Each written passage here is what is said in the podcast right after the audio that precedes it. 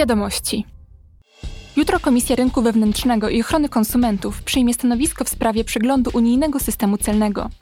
W nowym kodeksie celnym uwzględniono wzrost popularności zakupów w internecie, zwłaszcza z krajów spoza Unii. W przepisach wzięto pod uwagę bezpieczeństwo produktów, ochronę środowiska, dobrostan zwierząt i prawa człowieka. Przewidziano też powstanie Urzędu Unii Europejskiej do Spraw Celnych. Wybory europejskie już za 100 dni. Jutro odbędzie się briefing dla mediów na temat tego, jak relacjonować wybory, które odbędą się w dniach 6-9 czerwca.